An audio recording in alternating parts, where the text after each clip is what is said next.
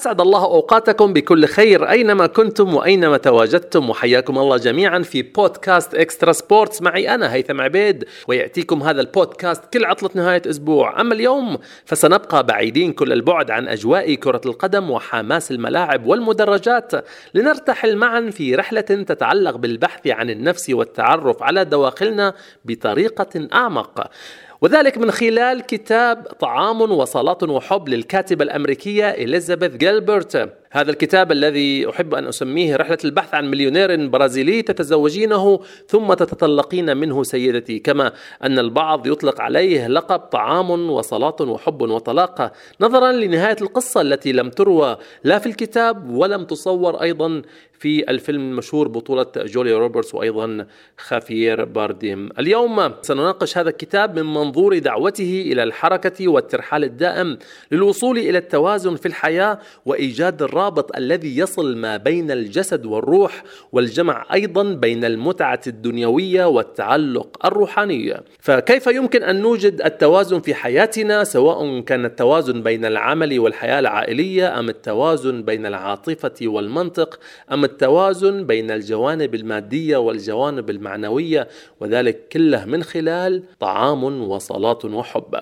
كل هذه الأسئلة نحاول الإجابة عليها مع لينا حصري الشغوفة بعلم الطاقة حيث درست علم الطاقة وتحصلت على شهادات من الهند كما أنها تنظم العديد من جلسات التأمل بالتعاون مع نادي دبي للسيدات فأهلا وسهلا بك لينا أهلا وسهلا هيثم. شكرا على حضورك. أيضا نتكلم عن الكاتبة إليزابيث جيلبرت التي تنطلق من أمريكا لتأكل في إيطاليا وتصلي وتتأمل في الهند لينتهي بها المطاف في إندونيسيا وتحاول هناك أن تجد بها الحب والعاطفة من خلال التطوع في الأعمال الإنسانية أو حتى إيجاد شريك للحياة. جميل أن يعرف الشخص ذاته ويخطط لرغباته في رحلة ليأكل ويصلي ويحب وينتقل من مكان لآخر. جميل جدا. وهي الرحلة ضرورية في حياة كل شخص فينا يعني. رحلة البحث عن الذات. كنت عايشة في مجتمع في بلدي الأم بسوريا بحلب و... وكانت عايشة حياة مثالية ونوع من الرفاهية بس أكيد حسيت إنه في شيء تاني لازم أختبره وأجربه. ومن هنا بدأت رحلة الاستكشاف ورحلة البحث عن الذات. في الدقيقة اللي تركت فيها البلد وصرت ببلد جديد من هون بدأ اكتشاف شخصيات وجوانب جديدة من حياتي. وهون يمكن أنا بسميها بداية الحياة الحقيقية يعني اختبار الحياة بكل ما فيها. لكن البعض قد يهاجم فكرة الحركة والتنقل ويسمي ذلك هروبا حتى لو كان الهروب أنيق ومسميات أنيقة تحت مسمى البحث عن الذات وإعادة اكتشاف الحياة. يعني في الآخر يقول لك أن هذا هروب. أنا ما بسمي هروب أنا بسمي هذا شجاعة. بالعكس البحث عن الذات للهروب من الضياع. لأنه إذا ما صار هذا نوع الهروب رح يصير في ضياع أكبر ويمكن الشخص بده يدور على كيف يهرب من الضياع. فأنا مع أنه واحد يروح ويستكشف ويبعد عن المجتمع أو الأشخاص اللي هو تعود عليهم في حياته ليقدر آه، يكتشف ذاته ويقدر يوصل لكل شيء بده إياه في حياته بمجرد إنه هو عطى نفسه فرصة الهروب الذكي أنا بسميه. بعيدا عن التحرك والتركيز في رحلة البحث عن النفس قد يجد البعض السلام الداخلي في الألاعيب الاجتماعية المختلفة كالبحث عن محبة الناس وإرضائهم وكسب الانتباه ومجاملة الأنا وحتى استجداء اللايكات والتعليقات في السوشيال ميديا. أنا ما بشوف السلام الداخلي أكيد هو مربوط بال... بعدد اللايكات والإعجاب من الأشخاص على السوشيال ميديا أنا مع المحبة الحقيقية ومع القيمة اللي أنت بتعطيها للأشخاص والمجتمع حواليك.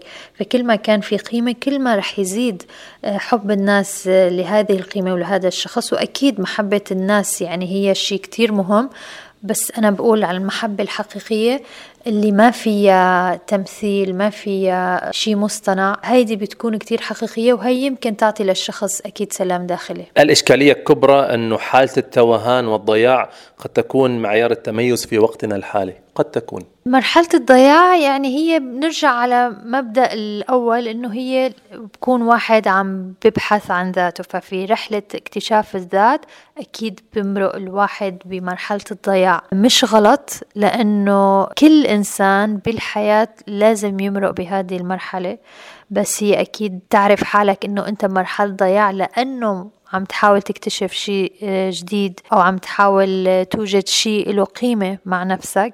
هيدي مش غلط. طول ما حدا واعي بهذا الموضوع وعارف إنه هو عايش مرحلة الضياع لأنه عم بدور على شيء قيم بذاته ليقدر يكمل حياته. هن محطات في حياة كل إنسان. فالمحطة الأولى بتكون أنت محل ما خلقت بالمجتمع الموجود فيه بالأشخاص الموجودين حواليك.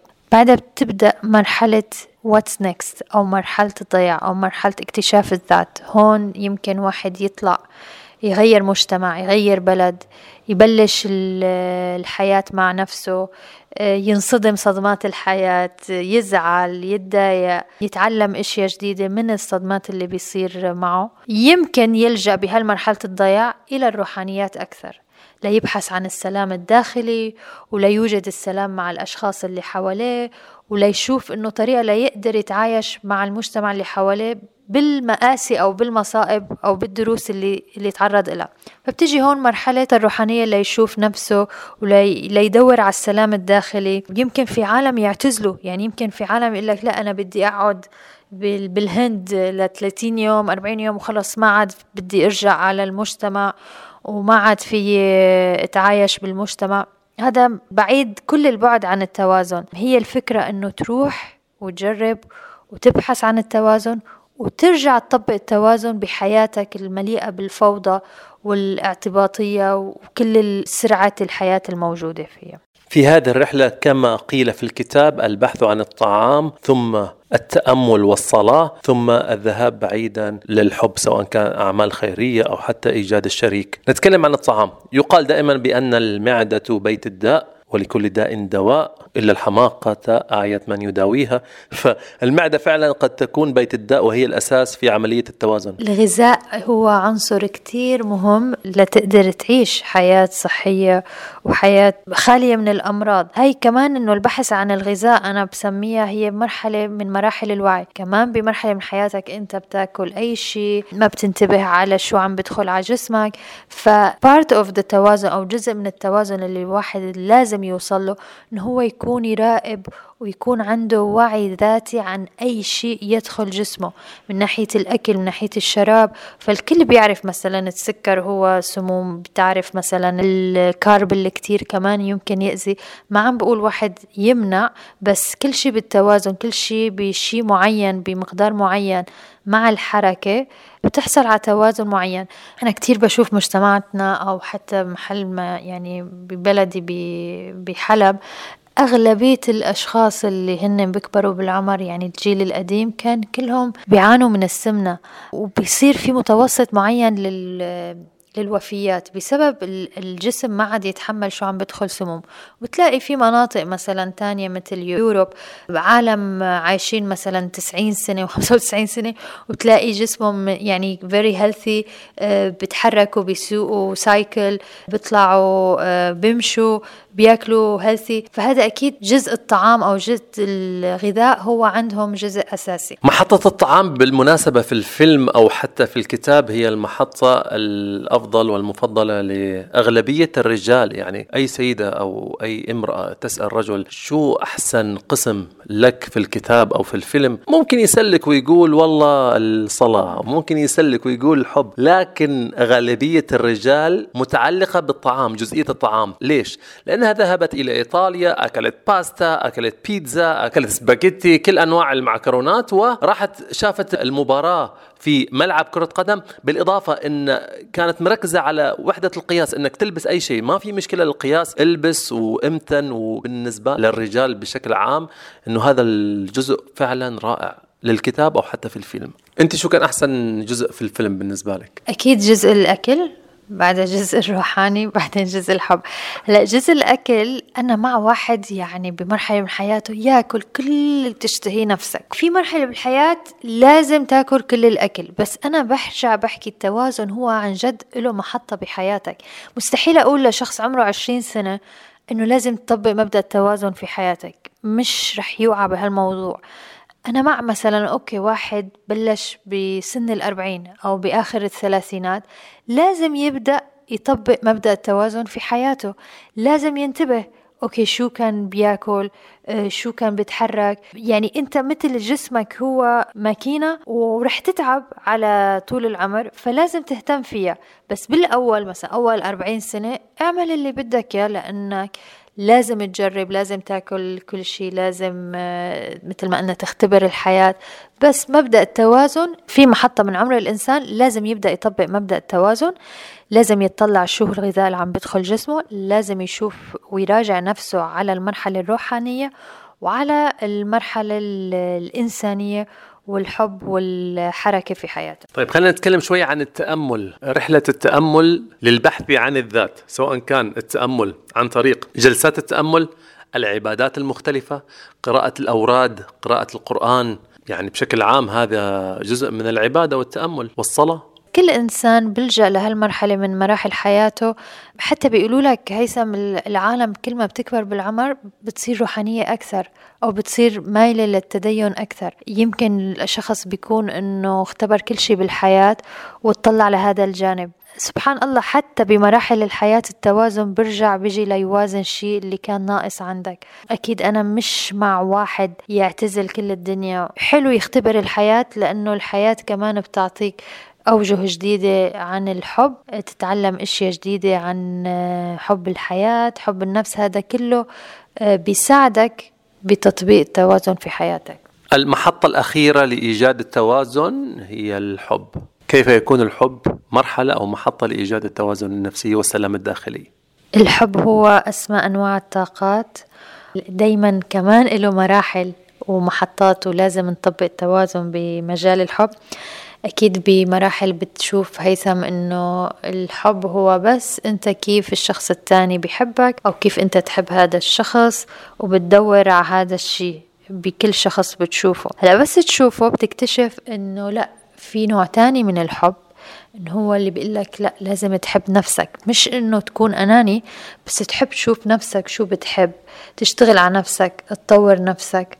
هذا نوع تاني من الحب. هلا بس ما واحد to master this level أو يصير عنده يعني عارف to experience هذا النوع من الحب بيجي بنتقل بقول لك على حب الغير لا مشروط هون بيجي العالم اللي بيعملوا أعمال إنسانية وبيشاركوا الحب أو السلام الداخلي مع حالهم مع العالم والمجتمعات اللي حواليهم فبيلجأوا للأعمال الخيرية. فإذا لاحظت هيثم كل جزء من جزئية الكتاب اللي هي الروحانيات أو الحب أو إن كان الطعام كل وحدة إلها جزئية معينة وإلها مبدأ توازن بحد ذاتها. بمعنى كل وحدة من الجزئيات هي بتمر بمراحل معينة خلال مراحل حياتك.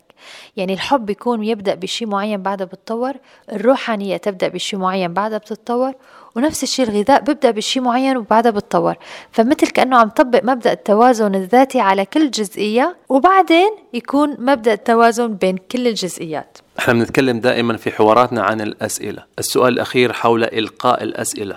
إلقاء الأسئلة البسيطة كمن أنا وماذا أحب وإلى ماذا أنتمي وماذا سوف أفعل؟ هذه الأسئلة ممكن تقود إلى التوازن ولا ممكن تقود إلى أسئلة أعمق ولا ممكن وين توديك؟ على أي محطة من المحطات؟ رح أعطيك مثال هيثم هذا السؤال بالذات. في مرة من ورشات العمل اللي كنت حاضرتها بالهند بسألك سؤال إنه شو شعورك اليوم؟ أو شو شو حاسس اليوم؟ أو how do you feel today فأنت أول إجابة بتقول أم أوكي منيحة تمام. برجع بقول لك الأستاذ مرة تانية how do you feel today? ترجع بتقول له تمام. منيحة. برجع بضل بسألك يمكن السؤال على ثالث رابع خامس مرة سادس مرة؟ بتبلش بطلع شغلات يعني ما بخطر لك إنه أنت كيف مثلا أجوبتك سطحية على سؤال إنه من أنا؟ ما رح تعرف. لوقت ما تكرر السؤال مرة ومرتين وثلاثة وأربعة بسموها مثل digging يعني really you go inside بتلاقي بتتفاجأ إنه بيطلع الجواب والله مش okay لأنه حاسة كذا كذا كذا. بس هذا ليطلع يعني يمكن بعد شي ست سبع مرات من السؤال نفسه. يعني بالأخير قديش ما شفت بساطة السؤال وإنه كتير سهل بس الإجابة عنه أعمق أكثر مما تتخيل هيثم. كتير أعمق. شكرا جزيلا على هذه الإجابات العميقة لينا وطبعا كان هذا كل ما لدينا في حلقتنا اليوم من بودكاست Extra Sports. الشكر موصول لكل من استمع لنا وإن شاء الله تكون الحلقة كانت مفيدة لكم. وإذا ما كنتم تعرفون أحدا ما قد يستفيد أو سيستمتع بالاستماع لهذا البودكاست فرجاء شاركوه معه عبر وسائل التواصل وصفحات البودكاست المختلفة لكي تعم الفائدة بصورة أكبر. وإن شاء الله نلتقي في عطلة نهاية الأسبوع القادم. إلى اللقاء لينا. مع السلامة هيثم وشكرا كثير على الاستضافة. Thank you. شكرا جزيلا. فإلى أن نلتقي تقبلوا تحياتي محدثكم هيثم عبيد. إلى اللقاء.